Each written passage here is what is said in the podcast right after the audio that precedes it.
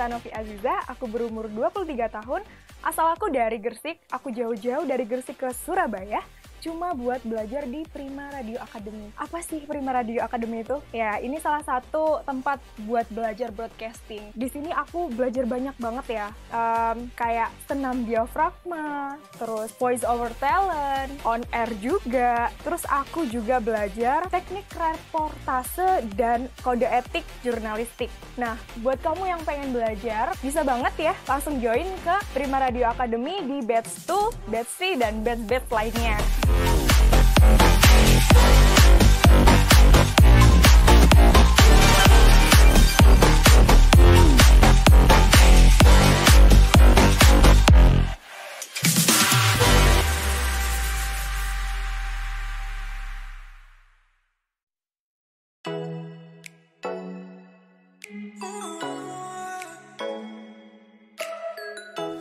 103,8 Prima Radio Surabaya Musik enak seharian. Radio lawan COVID-19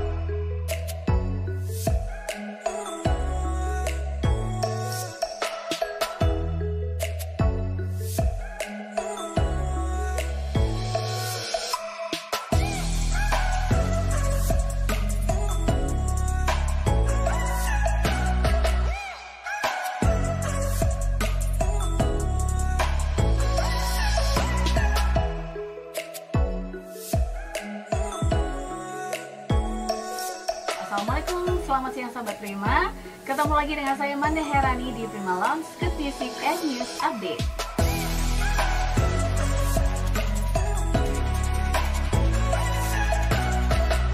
Ngopi yuk setiap hari Senin sampai Jumat live di 103,8 FM Surabaya. Streaming video di Facebook Prima Radio SBY. Ngopi, ngobrol inspiratif pagi. Halo, nama saya Bram. Saya Dimas Farul Anam. Nama aku Elisa. Saya Bunda Iin. Nah, aku kali ini lagi ikut Prima Radio Academy. Just like the street lights lit this town Like a fire in a blaze, gotta burn it down Can't be afraid to leave this out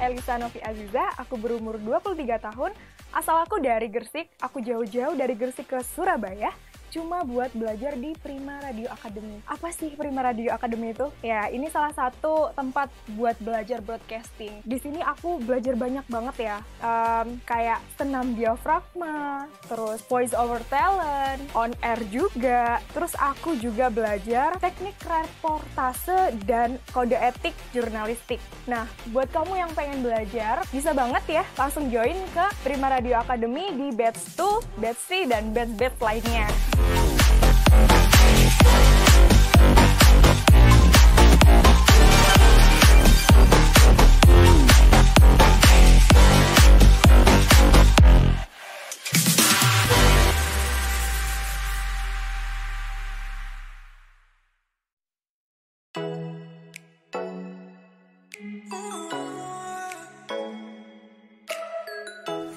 103,8 Prima Radio Surabaya Musik enak seharian. Radio lawan COVID-19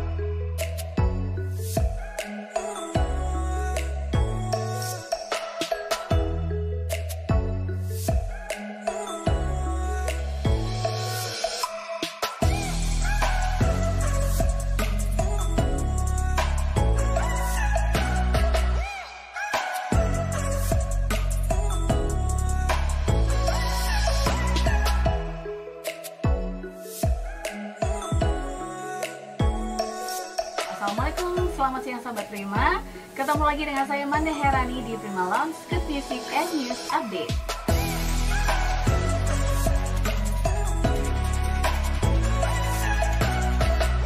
Ngopi yuk setiap hari Senin sampai Jumat live di 103,8 FM Surabaya. Streaming video di Facebook Prima Radio SBY.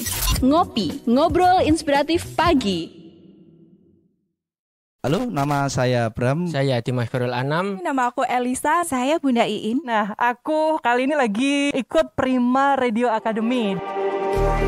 Just like the street lights lit this town Like a fire in a blaze, gotta burn it down Can't be afraid to leave this out We got this far, don't know how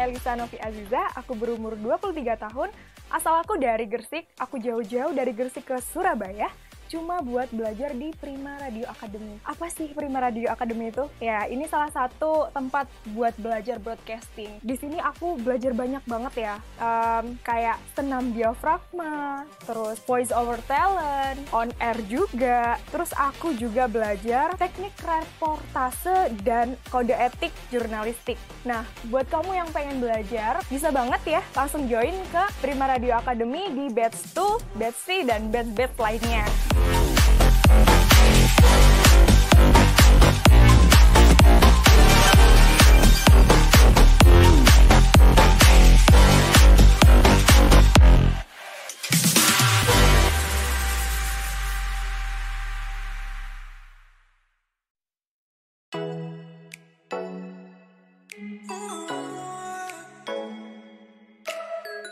103,8 Prima Radio Surabaya Musik enak seharian. Radio lawan COVID-19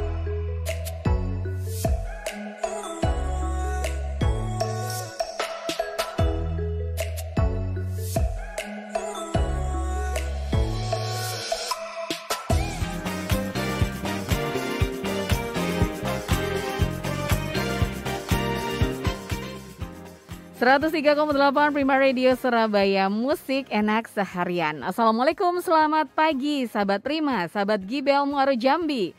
Rekan Raw FM Padang Sidempuan Teman setia Klik FM Bangli Bali. Sahabat Tri Kota Pinang Sahabat Tapanuli Sibolga Sumatera Utara. Rekan Patra FM Kota Duri Pendengar Si Radio Maros Dan juga sahabat Kandis Radio Riau. Bagaimana kabarnya semua? Semoga dalam keadaan sehat ya Hari ini kita kembali bertemu di Ngopi, Ngobrol Inspiratif Pagi. Nah kalau namanya hidup aja tuh butuh yang namanya visi dan misi ya. Biar uh, kita tuh nggak kehilangan arah. Apalagi kalau kita yang namanya menjalankan satu pekerjaan dan juga bisnis atau perusahaan. Untuk itu hari ini di Ngopi Ngobrol Inspiratif Pagi kita bersama uh, seorang bisa dibilang uh, pakar bisnis ya. Selamat pagi Mas Agung Baskoro Adi. Selamat pagi Mbak Manda. Iya, nggak berlebihan ya kalau saya bilang ini seorang pakar bisnis atau mungkin uh, lebih tepatnya uh, mentor gitu ya. Boleh, boleh. Oke, okay. hari ini uh, kita ketemu lagi nih Mas uh, di Siap dalam topik ini ya marketing and business kalau hari. Rabu. Dan kita mm-hmm. akan ngobrol seputar visi dan misi. Lebih tepatnya nih yeah. pertajam visi misi tentukan target market. Wah penting yeah. juga nih. Kayaknya simple sepele ya. Tapi kalau nggak punya visi misi itu nggak uh, bisa kita jalani dengan uh, mengalir gitu ya let it flow aja gitu. Nanti terbawa arus jadinya nggak jelas arahnya ke mana. Benar nggak Benar, benar. Jadi begini, Mbak. Uh, ketika kita bicara tentang visi, visi itu adalah mata kita, seperti sebuah sebuah sebuah organ tubuh. Visi adalah sebuah mata kita. Jadi kita akan menentukan 1 sampai lima tahun ke depan itu kita mau ngapain nih. Nah, seperti itu. Kalau misi itu, uh, uh, kalau misi itu uh, kalau bahasa bahasa bahasa Inggrisnya adalah why do we exist ya. Jadi hmm. kenapa kita harus bertahan gitu kan seperti itu. Jadi visi adalah tujuan kita ke depan. Jadi kan kalau kita ingin menginginkan perusahaan tersebut ingin sustain, ingin bertahan, hmm. kita harus tahu visi kita seperti apa. Karena kan visi itu untuk tahun ini untuk dua tahun lagi akan bisa berubah seiring dengan yang namanya uh, disruptif, disruptif era gitu kan. Disruptif era adalah sebuah masa yang mungkin tidak bisa kita kendalikan, tapi itu adalah faktor eksternal. Dari faktor internalnya sendiri kan kita juga bisa me memberikan uh, apa ya sebuah sebuah gambaran bahwa dengan kita membenahi diri kita sendiri di di faktor internal maka kita akan bisa mengantisipasi sebuah kejadian yang mungkin tidak pernah bisa kita antisipasi sebelumnya seperti itu Mbak Mania. Oke. Okay. Jadi ketika kita sudah tahu visi misinya kita apa, kita mm -hmm. akan tahu nih target market apa nih yang akan kita mau sasar, target market apa yang mau kita ambil. Jadi kita nggak nggak nggak sembarangan uh, si A, si B, si C gitu ya. Hmm. apa kita ambil karena semua mungkin gitu ya. Bener, karena aji bumbung karena mungkin sekarang kondisi sekarang tidak menguntungkan sekali tapi kan karena tidak ada tidak ada alasan karena keterpaksaan semua target market kita sasar. Justru dengan kondisi seperti ini kita harus tentukan visi misinya kita seperti apa. Karena mungkin sebelum pandemi mungkin kita punya visi misi, tapi setelah pandemi mungkin visi misinya akan dipertajam lagi dengan seperti itu kita akan tahu target marketnya seperti apa yang akan kita ambil sebenarnya. Oke, okay. kalau kita oke okay, ngobrolin sebuah bisnis atau perusahaan ya, mungkin kita ngomong di awal dulu. Mungkin bagi mereka yang baru merintis atau bahkan masih mau ya merintis, bagaimana yeah. menentukan visi idealnya? Uh, setidaknya kan mungkin ini contoh nih, ini contoh uh, ketika saya punya punya uh, usaha untuk uh, uh, apa uh, fast food gitu ya, fast food uh, ayam goreng gitu, contohnya ayam goreng. Jadi visi visi saya adalah saya akan menjadi ayam goreng termurah dan ternyah di Surabaya. Ini hmm. contoh. Ini, ini saya seperti itu. Saya akan menjadi restoran yang menyediakan ayam uh, yang renyah dan enak dan termurah di Surabaya. Visinya seperti itu. Hmm. Tapi bagaimana merealisasikan saya menjadi ayam goreng uh, restoran ayam goreng yang terenak, termurah dan terenyah di Surabaya adalah bagaimana saya akan mempersiapkan dari sisi uh, bagaimana saya mempersiapkan sisi karyawan saya itu seperti apa agar visi misi ini bisa terrealisasi, Mbak. Hmm. Terus uh, bagaimana saya mempersiapkan uh, source-nya juga. Saya harus menyiapkan supplier saya seperti apa, saya harus menyiapkan masakan itu harus standar dari hari ke hari. Dari waktu ke waktu ketika saya membuka cabang, rasa itu tetap sama. Jadi nggak mungkin kalau ketika saya bilang bahwa saya adalah restoran ayam yang paling renyah, paling enak dan paling murah di Surabaya, tapi saya cuma punya satu cabang, nggak mungkin kan. Jadi harusnya kita punya beberapa cabang, tapi beberapa cabang tersebut itu bisa merepresentasikan bahwa semua yang dimakan di cabang mana pun itu sama seperti itu. Nah, itu harus berangkatnya dari visi. Kalau visinya tidak kuat dan visinya tidak jelas, maka yang pasti maka perusahaan itu akan terombang-ambing nih. Dia mau jalan ke mana? Ketika ada yang ngomong A, B, C, D, dia akan ikutin. Dia akan ngomong A, A, B, C, D, dia akan ikutin. Tapi kalau visi misinya dia kuat, dia konsisten dengan visi misinya, maka dia akan meneruskan visi misi itu sambil dia melihat kondisi eksternal itu seperti apa ketika memang visi misinya itu memang sudah tidak sesuai lagi, maka akan ada yang namanya sebuah uh, revision ya. Jadi istilahnya kan visi itu akan direvisi lagi dan misinya juga akan otomatis akan berubah lagi seperti itu Mbak Manda. Oke, itu tadi kalau kita ngomongin yang mungkin masih baru awal atau merintis ya. Ya, Gimana kalau dia di tengah jalan nih, uh, kita perlu apa ya melihat kembali ya Berarti visi yeah. visi bisa menjadi tetap sama dilanjutkan atau bisa berubah ya? Uh, kalau visi pasti bisa berubah mbak, karena kan gini, ketika kita menentukan visi, oke okay, kita akan menentukan visi ini satu tahun ke depan, mm -hmm. tapi belum sampai setahun mm -hmm. visi itu sudah ter, sudah terlampaui, ya kan?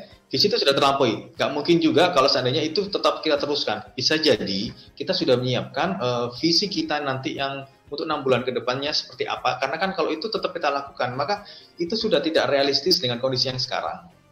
Harus tetap harus kita rubah. Jadi karena karena target kita tuh setahun, tapi setelah 3 sampai enam bulan itu terlampaui, maka hmm. visi saya adalah saya akan menjadi restoran ayam goreng ternyah, termurah dan terenak di wilayah Surabaya dan Sidoarjo. Akan saya lebarkan lagi visi saya. Hmm. Seperti itu, ya kan? Okay. Karena kan target target saya sudah tercapai nih. Hmm tapi itu sudah tercapai maka saya harus lebarkan lagi seperti itu. Nah nanti ketika sudah tercapai satu tahun maka ketika itu sudah tercapai lagi, kembali maka saya akan merubah visi lagi saya lebih luas lagi dan lebih besar lagi.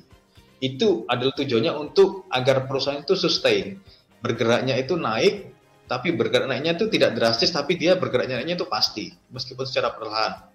Karena kan dia sesuai dengan visi misinya dia seperti itu kan. Ada timelinenya juga kan jangka waktunya visi ini ditetapkan satu tahun ke depan. Tapi sebelum satu tahun sudah terrealisasi kita harus merevision lagi untuk menjadi sesuatu yang lebih besar lagi dan lebih bagus lagi. Seperti itu. Nah itu buat yang visinya sudah tercapai ya.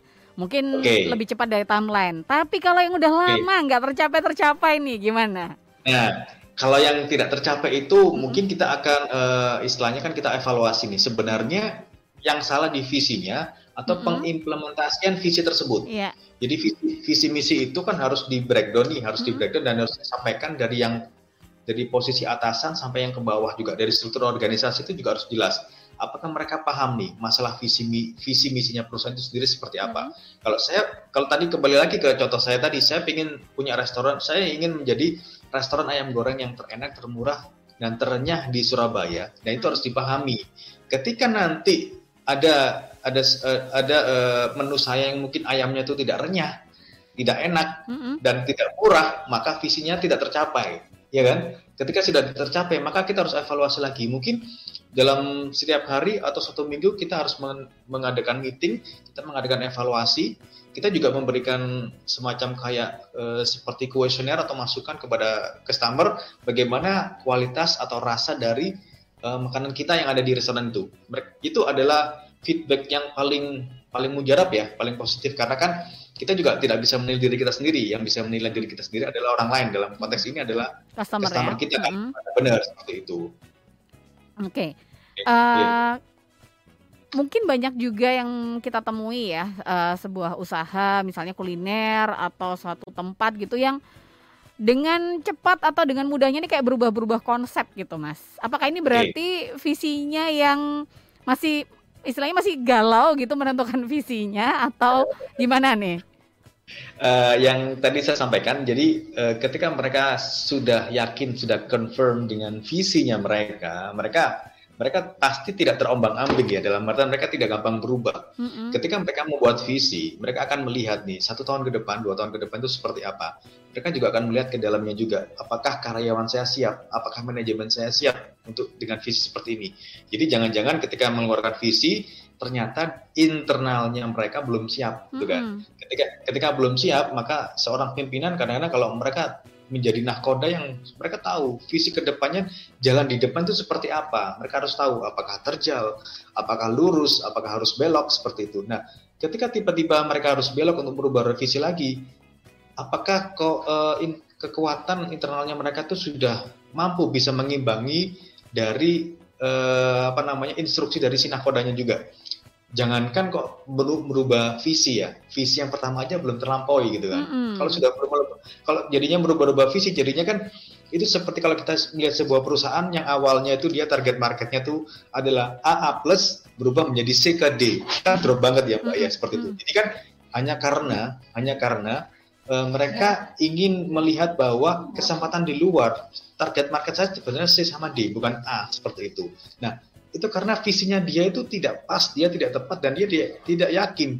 Dia tidak market pasar dulu. Makanya dia menentukan visi itu hanya karena keren gitu kan. Tapi dia tidak yakin bahwa kemampuan internalnya dia itu bisa mengimbangi atau bisa mengimplementasikan visi dan misinya dia itu menjadi sebuah hal yang positif untuk menjadi sustainable company seperti itu, Mbak. Oke. Okay.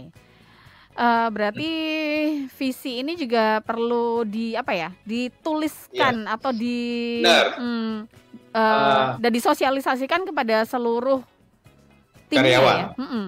Iya, benar, benar, benar. Mm. Jadi mereka harus paham dulu nih. Jadi uh, ketika visi kami sebagai restoran uh, ayam goreng termurah, terenak dan terenyah di Surabaya ini harus terrealisasi. Mm. Nah, termurah, terenak dan terenyah ini kan harus diimplementasikan. Termurah itu seperti apa? Mm-mm. Termurah dalam artian terjangkau. Terenak, terenak itu dalam artian apa? Setidaknya kan ada standar nih yang harus kita ikutin. Standarnya harus sekian. Terenyah, renyah itu ukurannya seperti apa? Apakah uh, renyah, renyah ukurannya A, C, C, A, C, B, C, C? Tapi enggak, terenyah di sini adalah ukuran umum seperti itu. Jadi ketika itu sudah dinikmati semua bau uh, menjadi restoran ayam goreng yang termurah, terenak dan terenyah di Surabaya itu sudah terlampaui. Berarti kan untuk skup Surabaya visi kita itu terlalu kecil karena kita sudah terlampaui. Tapi bagi teman-teman yang mungkin visinya itu belum terlampaui berarti skup Surabaya itu terlalu besar. Iya nggak sih Mbak Iya Ya kan? Bisa jadi mungkin pertama kali saya buka di Surabaya Barat ya sudah, saya real, saya realistis saja ya.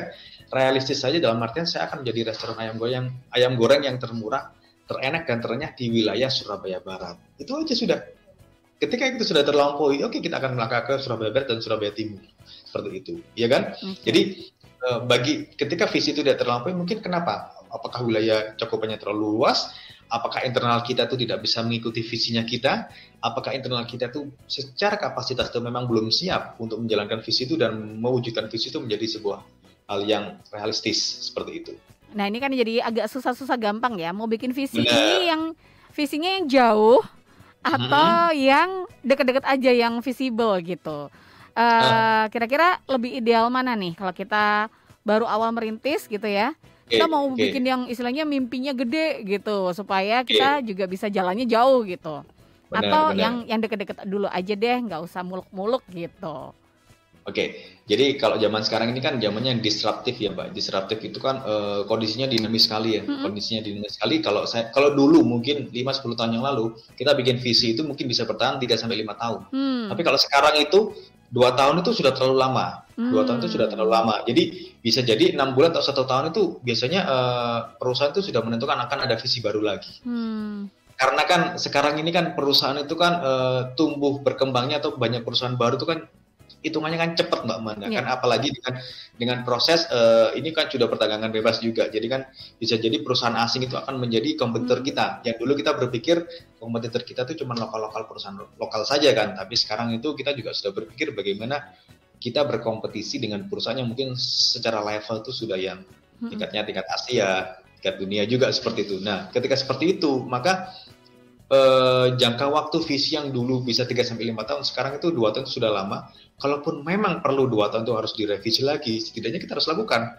Jadi bukan karena ada gengsi dan ada ada sesuatu hal yang memang itu tidak tidak tidak apa eh, tidak dilihat sepadas itu egois ya dalam artian memang kalau memang visi itu memang sudah tidak sesuai karena itu sudah terlampaui atau memang kita belum bisa meraih visi itu maka kita harus melakukan revisi lagi ini demi uh, keberlangsungan perusahaan yang kita jalankan juga. Karena kalau nggak seperti itu, ini akan jadinya acak adul, Mbak. Dalam artian acak adul itu seperti uh, ini sebenarnya perusahaan mau dibawa ke mana, larinya ke mana, target marketnya siapa, seperti itu.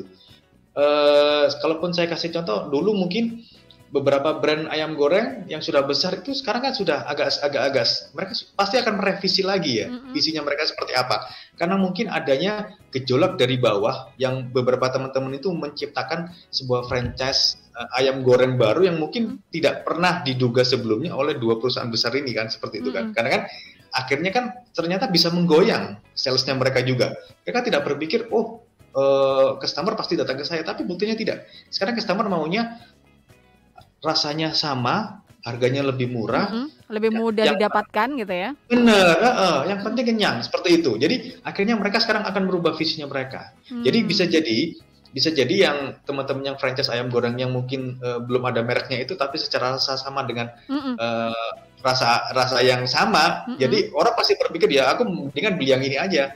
Beli beli sekian dengan harga sekian aku dapat sekian tapi setidaknya kan anakku sudah bisa atau keluargaku sudah bisa menikmati rasa ayam hmm. yang sama dengan yang brand yang sudah besar itu. Seperti itu sih, Mbak.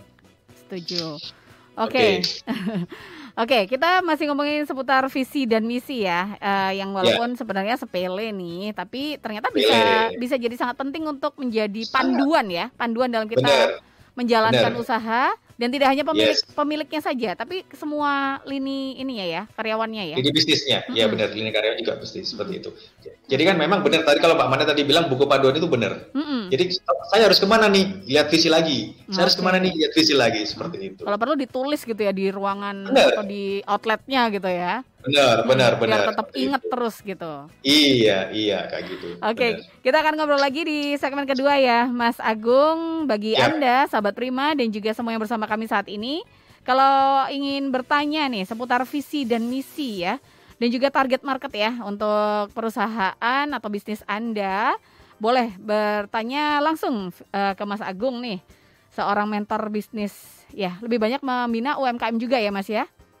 Ya, Mm-mm. dari UMKM sampai perusahaan juga. Oke, boleh langsung uh, dikirim pertanyaannya via WhatsApp di 0811 30 10 38. Atau kalau mau ngobrol langsung juga boleh via 031 738 8500. Anda juga bisa menyimak kami secara live di Facebook Live Prima Radio Spasi SBY. Kalau ada yang ingin ditanyakan, boleh langsung ditulis di kolom komentar di sana. Tetap di Ngopi, ngobrol inspiratif pagi bersama Agung Baskoro Adi dan saya, Manda Herani. Ngopi yuk, setiap hari Senin sampai Jumat, live di 103,8 FM Surabaya. Streaming video di Facebook Prima Radio SBY. Ngopi, ngobrol inspiratif pagi. Halo, nama saya Bram. Saya Dimas Farul Anam. Nama aku Elisa. Saya Bunda Iin. Nah, aku kali ini lagi ikut Prima Radio Academy. Just like the street lights lit this town Like a fire in a blaze, gotta burn it down Can't be afraid to leave this out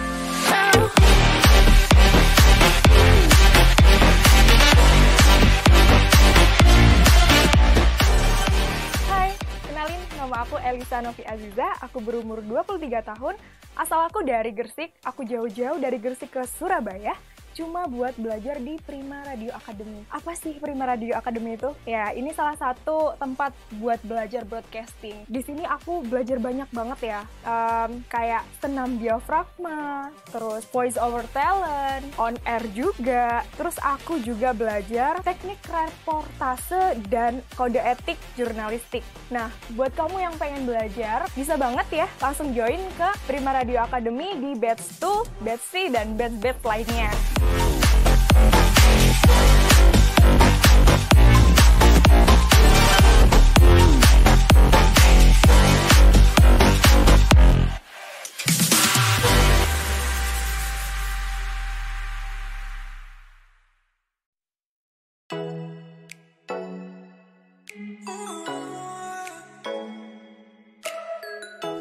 103,8 Prima Radio Surabaya Musik enak seharian. Radio lawan COVID-19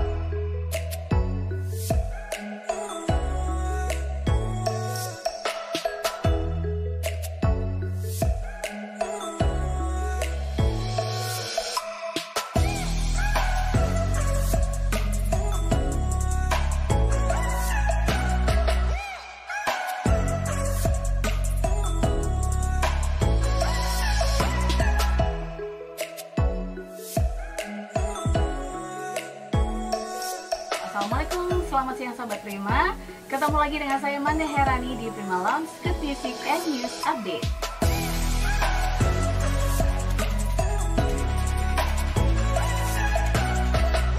Ngopi yuk setiap hari Senin sampai Jumat live di 103,8 FM Surabaya. Streaming video di Facebook Prima Radio SBY. Ngopi, ngobrol inspiratif pagi. Halo, nama saya Bram. Saya Dimas Farul Anam. Nama aku Elisa. Saya Bunda Iin. Nah, aku kali ini lagi ikut Prima Radio Academy. Just like the street lights lit this town Like a fire in a blaze, gotta burn it down Can't be afraid to leave this out We got this far, don't know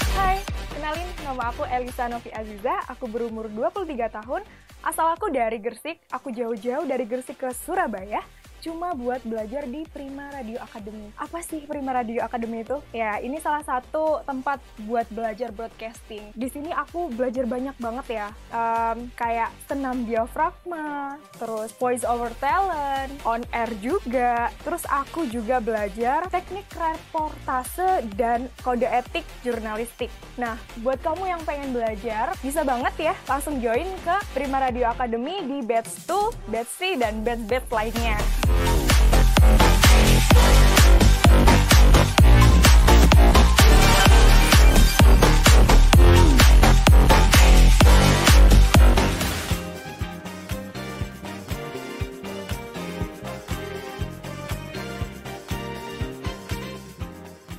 103,8 Prima Radio Surabaya Musik enak seharian. Masih di Ngopi, Ngobrol Inspiratif Pagi. Kalau hari Rabu kita ngomongin seputar marketing and business Hari ini kita bersama Mas Bas Agung Baskoro Adi uh, Seorang pakar dan mentor bisnis ya Kita ngobrolin pertajam visi misi Tentukan target market Nah kalau visi adalah tujuan strategis sebuah corporate Berarti ini perlu diterapkan dalam uh, apa saja, Mas Agung?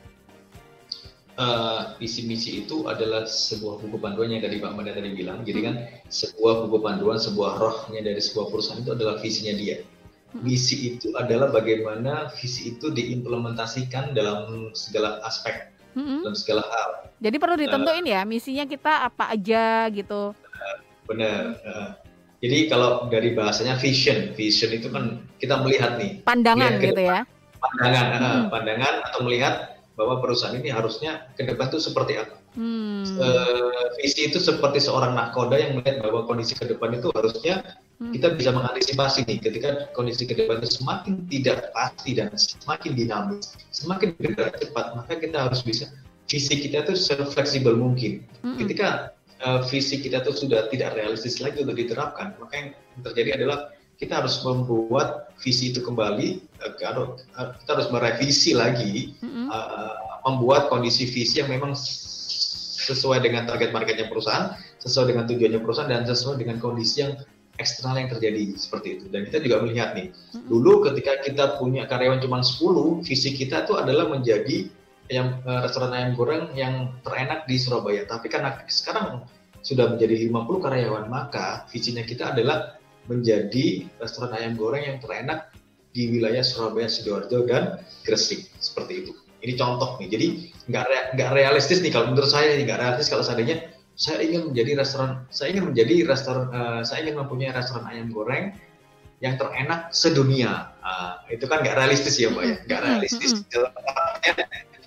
kita bikin visi itu yang intinya bikin visi itu gampang, harus yang realistis dan achievable.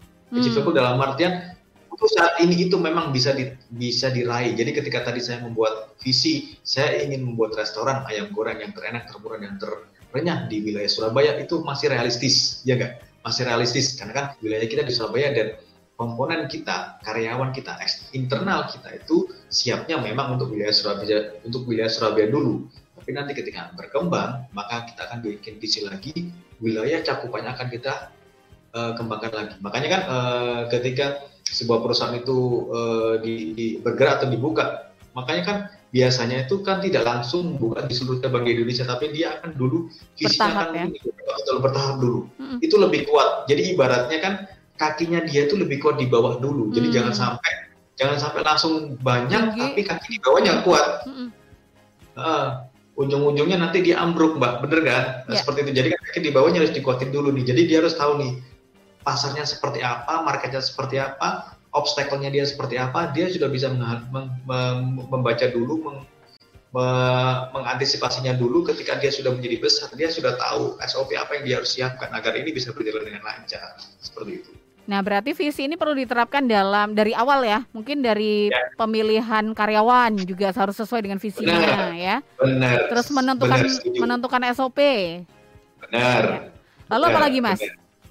Uh, jadi mulai dari visi itu bisa untuk yang jadi ketika kita sudah uh, memilih karyawan itu kan sudah sesuai dengan visi nih. Mm-hmm. Ketika nanti saya ingin menjadi restoran ayam goreng yang termurah, terenak dan terenyah di Surabaya, mm-hmm. nanti akan saya, kita akan tambah lagi visinya, kita akan menjadi restoran ayam goreng yang termurah, terenak dan terenyah di Surabaya yang memiliki kualitas sepenuh hati untuk melayani konsumen. Nah, ketika di bawahnya itu ada tagline atau visi yang melayani konsumen dengan sepenuh hati, maka kita akan mencari karyawan mm -mm. dengan visi yang sama dengan kita. Mm -mm. Jadi jangan jadi jangan cari karyawan yang mungkin secara secara uh, secara fisik itu susah untuk senyum, mm. susah untuk diajak bicara, iya enggak? Mm -mm. Terus uh, orangnya itu gampang marah, itu nggak cocok seperti itu kan. Jadi kan harus harus kita seperti itu. Kalaupun memang kemampuannya dia dibutuhkan, oke okay, maka kita akan menggunakan karyawan tersebut tidak untuk di front office atau di depan, tapi akan kita gunakan di belakang kemampuannya dia seperti itu. Jadi akan tetap kita evaluasi seperti itu. Jadi visi misi itu mulai dari yang rekrutmen karyawan, penempatan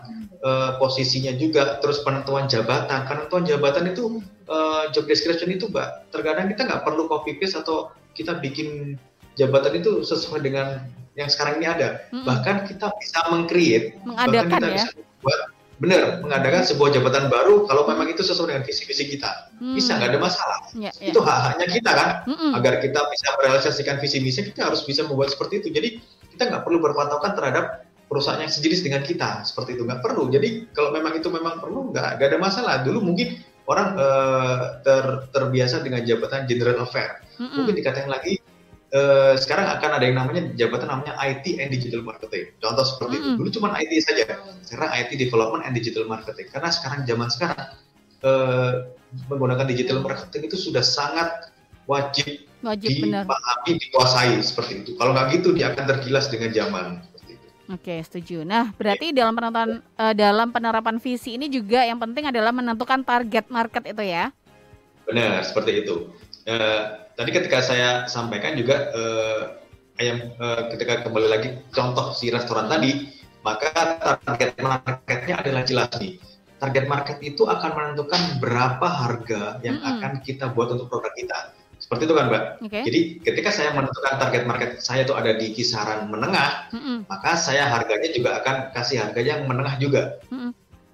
Jadi eh, target market itu menentukan bagaimana tampilan dari produk kita bagaimana tampilan dari pelayanan kita, bagaimana tampilan dari yang paling gampang itu apa yang kita kenakan, eh, seragam karyawan, hmm. sikap karyawan, hmm. apa pun apa pun yang ada di situ itu menentukan target marketnya. Kalau memang hmm. dia itu target marketnya itu premium, maka semuanya harus premium. Hmm, packagingnya gitu ya, termasuk ya. Benar, benar seperti itu. Tapi kalau memang target market kita menengah, atau mungkin uh, kita cari yang target market low. yang ibarat mm -hmm. low seperti itu ya kita akan mengikuti juga karena kan uh, target market kita akan nyaman dengan semua serba yang, cocok yang, ya. yang mereka pakai, mm-hmm. benar, yang mereka pakai. Seperti jadi ini contoh nih contoh nih.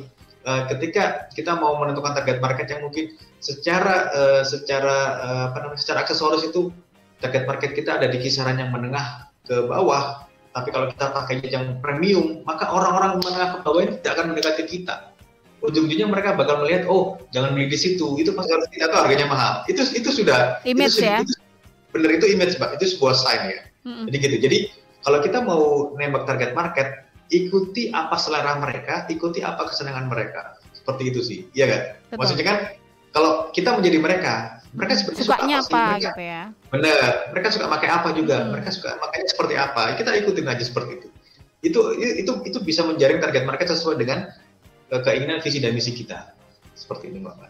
Okay. dengan begitu berarti uh, bisa membantu kita mencapai visi itu lebih apa ya? Lebih, lebih, visible itu tadi ya. Benar. Jadi bisa jadi ada salah satu aspek untuk merealisasikan visi itu juga dengan tadi yang saya bilang itu. Jadi kan uh, kita mengikuti pola dari target market yang akan kita mau tembak. Jadi mau yang kita mau sasar tadi seperti apa. Itu. Jadi contoh nih kita bisa market nih orang Surabaya itu contoh nih orang Surabaya itu sukanya uh, makanan yang mungkin nggak terlalu manis, yeah. mungkin agak cenderung ke ke salty, yang ke asin atau yang gurih mm -hmm. seperti itu. Kita akan ikutin seperti itu. Jadi detailnya itu harus jelas. Jadi kan target marketnya mana yang akan kita tembak juga harus jelas. Karena kalau salah satu tuh ada yang tidak sesuai atau meset, maka jangan berharap visi itu bisa terrealisasi 100%. Mm -hmm. Atau bahkan terrealisasi mungkin sesuai dengan jangka waktu yang kita tentukan. Seperti itu. Itu harus tetap kita evaluasi terus-menerus. Karena kan uh, koridornya kita ada di situ, di visi itu mungkin kita akan breakdown lagi di SOP dan KPI-nya untuk karyawan seperti apa. Apakah tercapai 100% ketika KPI karyawan tercapai, apakah KPI perusahaan itu juga tercapai sesuai dengan visi yang diterapkan perusahaan dari awal. Seperti itu Mbak Manu. Oke. Nah, kalau kita ngomongin target market, berarti mana yang lebih dulu? Kita menentukan visi atau survei pasar dulu? Uh, setidaknya ketika kita me membuat perusahaan atau membangun perusahaan, setidaknya kan harapan dari dari dari pemilik perusahaan adalah bagaimana me, me, mencapai targetnya perusahaan sendiri. Jadi menurut saya yang paling awal adalah visi. Hmm. Awal awal itu adalah visi. Dari awal itu adalah visi. Jadi visi ini kita bisa menentukan target market mana yang kita akan tentukan. Kalau target market kita tentukan dulu, maka visinya akan mengikuti target. Padahal justru fondasi awalnya adalah visinya kita. Hmm. Kita nggak bisa ngapa-ngapain kalau kita nggak punya visi nih. Gampangnya kan gini kan, sebenarnya saya itu mau ke mana sih? Hmm. Itu ada di visinya. Tujuan saya mau ke mana? Hmm. Nanti saya mau ketemu siapa? Hmm. Itu ada di visinya juga, seperti itu kan. Terus misi itu nanti saya mau menuju ke situ, saya mau naik apa? Seperti itu. Hmm. Itu visi, itu visi misi seperti itu. Tapi target market adalah salah satu aspek yang harus dipenuhi dalam sebuah visi itu sendiri. Jadi target market itu adalah sebuah aspek yang lebih kecil dari sebuah visi. Visi itu adalah sebuah hal yang sangat besar. Ketika tidak ada visi misi, perusahaan pasti termanage dengan baik. Seperti Bisa terombang-ambing dengan mudah ya? Iya, benar seperti itu. Oke. Kita tahan dulu untuk lanjutannya Mas Agung. Kembali saya mengundang Anda, sahabat Prima dan juga semua yang bersama kami saat ini. Kalau ada yang ingin ditanyakan, boleh bergabung via WhatsApp di 0811 30 10 38 atau by phone di 031 500 ya. Bagi Anda yang bertanya, kami punya uh, hadiah voucher spesial nih dari Cheers Alkaline Powered. Air mineral dengan pH alkaline hingga 8,5 yang membantu menyeimbangkan pH tubuh sahabat prima. Sehingga daya tahan tubuh ini lebih terjaga dan melindungi dari virus. Bentuk kemasannya kecil, seksi, memudahkan untuk dibawa ke mana pun dan kapan pun ya dalam kemasan 230 ml. Untuk Anda yang di ada di area Surabaya, untuk pemesanannya hubungi 0877 77243377 atau 0807 1243377. Sahabat Prima di rumah saja biar kami yang antar. Cheers Alkaline Power 230 ml, seksi, healthy, easy. Ngopi yuk setiap hari Senin sampai Jumat live di 103,8 FM Surabaya. Streaming video di Facebook Prima Radio SBY. Ngopi, ngobrol inspiratif pagi. Halo, nama saya Bram. Saya Dimas Ferul Anam. Nama aku Elisa. Saya Bunda Iin. Nah, aku kali ini lagi ikut Prima Radio Academy.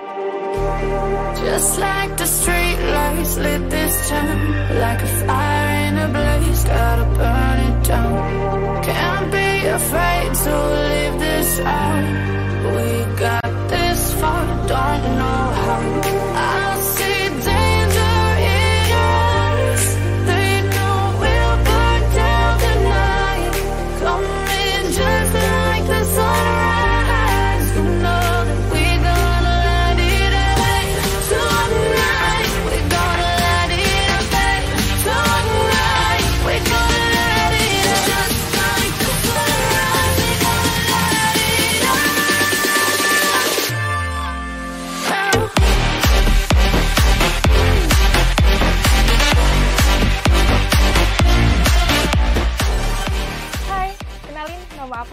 Novi Aziza, aku berumur 23 tahun, asal aku dari Gersik, aku jauh-jauh dari Gersik ke Surabaya, cuma buat belajar di Prima Radio Academy. Apa sih Prima Radio Academy itu? Ya, ini salah satu tempat buat belajar broadcasting. Di sini aku belajar banyak banget ya, um, kayak senam diafragma, terus voice over talent, on air juga. Terus aku juga belajar teknik reportase dan kode etik jurnalistik. Nah, buat kamu yang pengen belajar, bisa banget ya langsung join ke Prima Radio Academy di batch 2, batch 3, dan batch-batch lainnya. We'll be right back.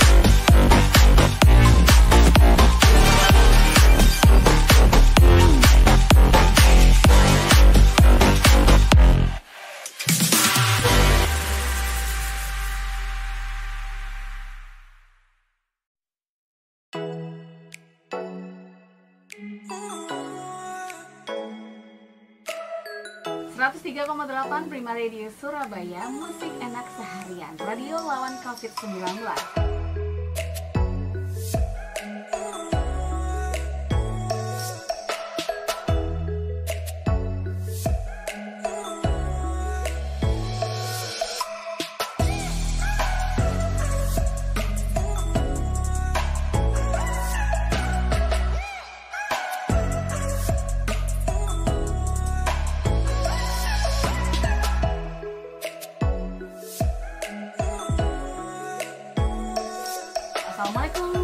Sobat Prima Ketemu lagi dengan saya Manda Herani di Prima Lounge Good Music and News Update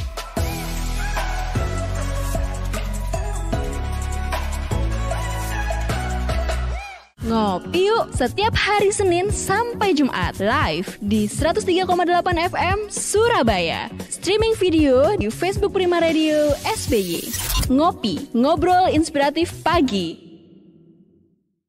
Halo, nama saya Bram. Saya Dimas Khairul Anam. Nama aku Elisa. Saya Bunda Iin. Nah, aku kali ini lagi ikut Prima Radio Academy. Just like the street lights lit this town Like a fire in a blaze, gotta burn it down Can't be afraid to leave this out We got this far, don't know how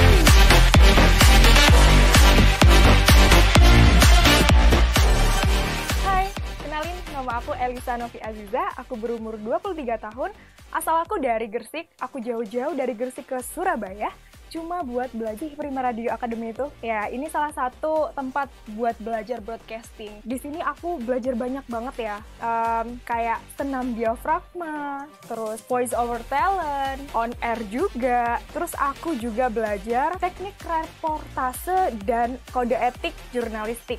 Nah, buat kamu yang pengen belajar, bisa banget ya langsung join ke Prima Radio Academy di batch 2, batch 3, dan batch-batch lainnya.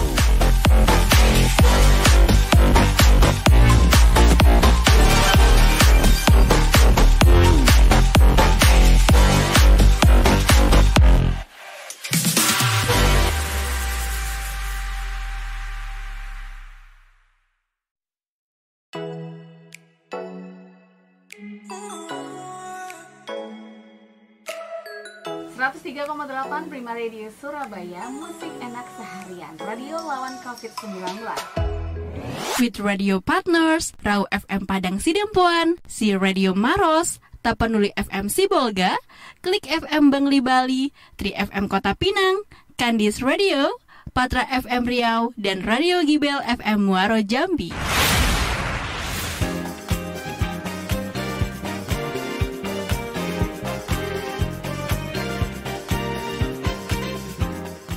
103,8 Prima Radio Surabaya Musik enak seharian. Masih bersama saya Manda Herani dan juga Mas Bas Agung Baskoro Adi Di Ngopi Ngobrol Inspiratif Pagi. Ngobrolin soal visi dan misi dan juga target market ya dalam perusahaan. Ini kebetulan ada yang bergabung Mas. Uh, Sebentar saya bacakan.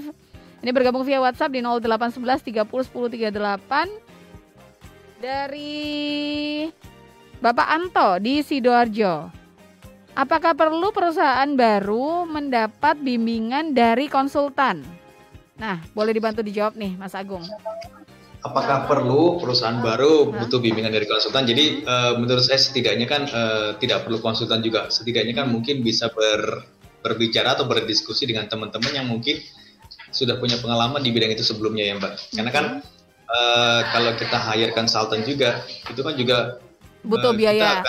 butuh biaya juga hmm. karena kan memang juga prosesnya kan juga panjang juga setidaknya kan uh, kita mencoba untuk mengefisiensikan semua yang kita lakukan itu termasuk hmm. juga pengalokasian biaya setidaknya kan mungkin kita bisa meminta masukan ke teman-teman yang mungkin sudah pernah bergerak di bidang bisnis itu mm -hmm. atau mungkin bergabung dengan organisasi atau uh, komunitas yang bergerak yang sesuai dengan uh, bisnisnya kita atau target marketnya kita seperti itu. Jadi kan kita banyak, belajar juga.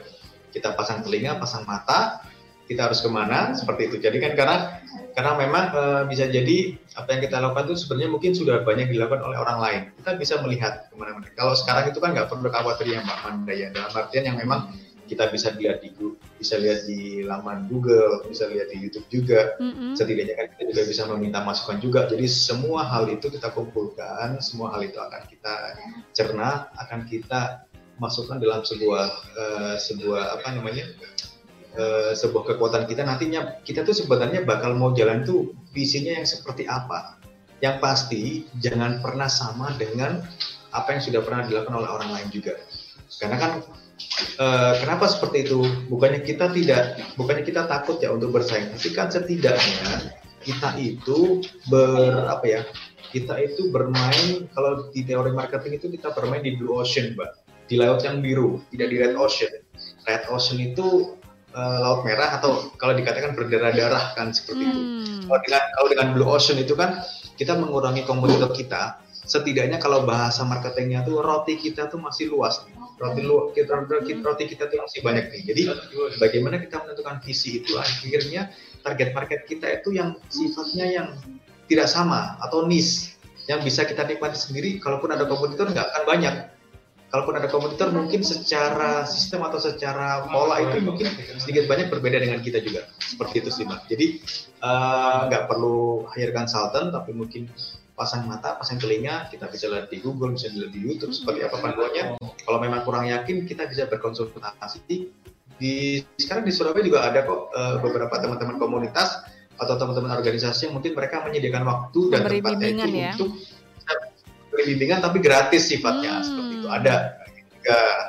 Hmm. Jadi uh, yang sifatnya memang uh, kita juga membantu teman-teman UKM juga karena kan teman-teman UKM ini kan memang bergeraknya dari nol juga kita juga membantu mereka bagaimana kita menginkubasi mereka juga kita memberikan masukan secara manajemen secara branding secara packaging secara target market seperti apa kita bantu mereka seperti itu. Oke, tapi kalau misalnya bagi mereka yang memang mau meng-hire konsultan di awal membuka bisnisnya juga nggak juga sah-sah aja ya? Sah-sah aja nggak ada masalah mbak. Uh, kalau kalau kalau kami perhatikan kalau kita perhatikan kan setidaknya kan mungkin uh, itu sah-sah aja. Jadi kan mungkin mereka sudah meng menginvestasikan hmm, biaya benar, untuk membayar konsultan itu sebagai biaya investasinya mereka dari awal seperti itu. Benar. Oke, okay, uh, Bapak Anto di Sidoarjo semoga menjawab ya. Dan ada juga yang bergabung nih dari jauh. Ada Mbak Nurul dari Padang Sidempuan mendengarkan relay dari Raw FM Padang Sidempuan. Wah, senang nih menyapa dari jauh ya. Gimana caranya Kak menentukan visi untuk memulai bisnis? Saya mahasiswa, insya Allah punya modal, tapi saya bingung bisnis apa dan bagaimana menjalankannya. Mohon arahannya. Terima kasih banyak. Nah, ini banyak juga nih orang yang punya modal ya, pengen usaha tapi bingung mau nggak mau usaha apa, mau bisnis apa ya, dan bagaimana menentukan visinya untuk memulai bisnis yang baru ini. Tapi belum tahu nih mau bisnis apa dulu gitu. uh, boleh saya jawab ya Mbak Manda ya. Mm -hmm. Jadi gini, uh, bisnis itu kalau kita ingin jadi bisnis itu kita nggak perlu nggak perlu lihat ke sebelah ke kanan kiri ke hmm. depan ke belakang juga jadi apa yang passion kita ada di mana ke dalam diri sendiri dulu ya dulu. Jadi kalau bisa jadikan hobi itu hobi yang menghasilkan. Kalau nah. saya sih nilainya seperti itu ya. Uh-uh. Hobi yang menghasilkan. Kenapa saya katakan hobi? Karena hobi itu mengandung sebuah passion ya. Benar. Ketika kita melakukan itu, kita itu akan melakukannya itu dengan sepenuh hati. Setuju. Dan sampai kapan pun itu akan terus bergerak. Kita akan ber, berpikir bagaimana kita mengkreativitaskan hobi kita itu menjadi sesuatu hal yang bisa menghasilkan. Dan ada ada ada ada passion yang memang mm-hmm. tanpa disuruh pun, tanpa disuruh pun kita sudah bergerak sendiri nih. Kita sudah ada inisiatif. Yeah. Jadi jangan sampai karena memang kita bukan karena kita memang uh, tidak tidak suka katakanlah kita tidak suka kopi nih. Tapi mm-hmm. karena bisnis kopi lebih bagus, maka kita buka buka uh, usaha kopi gitu ikut-ikutan kan. gitu Jadi, ya ikutan ujungnya nanti satu bulan dua bulan tiga bulan selesai karena kan kita tidak berpikir bagaimana usaha ini bisa survive ya enggak hmm. atau mungkin nggak dari hati itu tadi ya nggak nggak meminati nah, dunianya itu sendiri Benar. Kalau sudah dari hati, dari hobi, itu kan akan sampai kapan pun itu kan uh, event event itu kan kita lakukan kita dapat duit atau kita nggak dapat duit mm -hmm. setidaknya kan secara kepuasan batin itu kan terlampaui mm -hmm. tapi ketika ini sudah melangkah ke bisnis berarti kan kita berpikir bahwa saya melakukan ini ada dua hal yang akan secara pendapatan saya juga akan dapat akan jadinya lebih kayak semangatnya jadi lebih tinggi lagi gitu loh mbak ya, seperti benar. itu bagaimana akan melakukannya itu akan tidak sepenuh hati tapi juga akan melakukannya kan bagaimana saya bisa memaksimalkan potensi dalam diri saya untuk me, me, apa ya menjual atau memasarkan ini dengan dengan dengan kapasitasnya dia karena memang di situ mm -hmm. dia ada ada ada passion di situ kan mbak mm -hmm. seperti itu dan mungkin jadi lebih memahami juga dunianya ya nah seperti contoh nih uh, tadi mbak yang dari Padang tadi contoh mm -hmm. adanya dia uh, dia suka masak nih mm -hmm. suka masak suka masak apa dia spesifik aja mm -hmm. masak makanan ringan atau yang berat nih kalau memang makanan berat terlalu terlalu mm -hmm. uh, flow-nya terlalu terlalu jauh kita mm coba makanan ringan dulu mm ringan yang seperti apa bukan ringan yang mungkin ala-ala lokal aja ala-ala lokal yang mungkin selama ini mungkin tidak dipandang mungkin dipandang sebelah mata tapi hmm. kalau seandainya kita makan sebenarnya kesukaan makanannya orang orang di daerah Padang nih contoh nih seperti itu tapi itu juga menjadi passionnya mbak mbak hmm. uh, yang di Padang tadi seperti itu jadi hmm. bagaimana me mewujudkan itu sebenarnya gampang ketika kita sudah melakukan hobi kita kita itu sudah setengah langkah hmm. setengah jalan hmm. Untuk menemukan kita menemukan ya menemukan itu. Hmm, okay. Hobinya kita apa dulu nih? Yeah. Jadi contoh nih, contoh nih, uh, hobi hobi hobi hobi saya bermusik nih, hobi saya bermusik. Saya bermain musik, terus kemudian saya dibayar untuk setiap kali penampilan hmm. saya itu adalah sebuah saya, hmm. itu adalah sebuah bonus bagi saya. Hmm. Tapi ketika uh, hobi saya bermain musik sudah terlam apa uh, terlampaui, hmm. terus ketika saya pendapatan bahwa saya diakui bahwa saya tidak sekedar bermain musik, tapi memang karena hobi saya bermain musik saya juga diakui dan saya mendapatkan pendapatan dari itu ini contoh seperti mm -hmm. itu. Okay. kan? Itu kan kembangkan pak. Dengan kita itu menjadi hobi. E, naluri naluri kita untuk mengembangkan bisnis itu akan semakin semakin dan semakin maju terus itu akan bisa terrealisasi juga. Oke, baik Mbak Nurul semoga menjawab ya. Jadi mungkin berangkat dari diri sendiri dulu, misalnya suka masak ya mungkin paling jago masak apa deh itu aja dulu ya. gitu ya atau mungkin ada hal-hal lain yang menjadi minat Mbak Nurul bisa deh berangkat dari situ menjadi inspirasi bisnis untuk Mbak Nurul. Terima kasih Mbak Nurul, tapi saya salut nih mahasiswa sudah uh, punya visi untuk mau berbisnis ya dari sejak awal. Baik, sekali lagi terima kasih Mbak Nurul dan terima kasih banyak Mas Agung untuk sharingnya hari ya. ini. Sudah menyempatkan waktu ya di antara kesibukannya. Semoga apa yang kita share hari ini bermanfaat untuk semuanya ya. Kita ketemu lagi di lain kesempatan ya Mas Agung. Ya, terima kasih Mbak Manda. Baik, terima kasih semua yang sudah bersama kami juga dari Surabaya maupun semua yang uh, merilai ya tayangan atau siaran hari ini. Kita bertemu lagi di Ngopi besok ya. Ngopi yang hadir setiap hari Senin sampai Jumat jam 9 waktu Indonesia Barat. Tetap di 103,8 Prima Radio Surabaya, musik enak seharian. Ngopi yuk setiap hari Senin. Ngopi yuk setiap hari Senin sampai Jumat live di 103,8 FM Surabaya. Streaming video di Facebook Prima Radio SBY. Ngopi, ngobrol inspiratif pagi. Halo, nama saya Bram. Saya Dimas Ferul Anam. Nama aku Elisa. Saya Bunda Iin. Nah, aku kali ini lagi ikut Prima Radio Academy. Just like the street lights lit this town Like a fire in a blaze, gotta burn it down Can't be afraid to leave this out We got this far, don't know how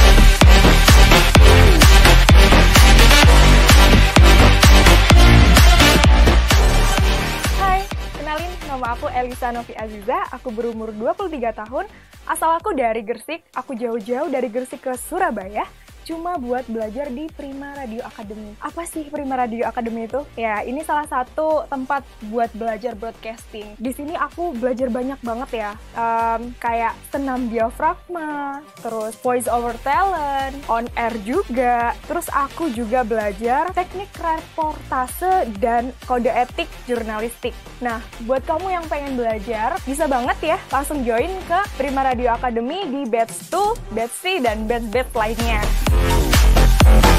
Thank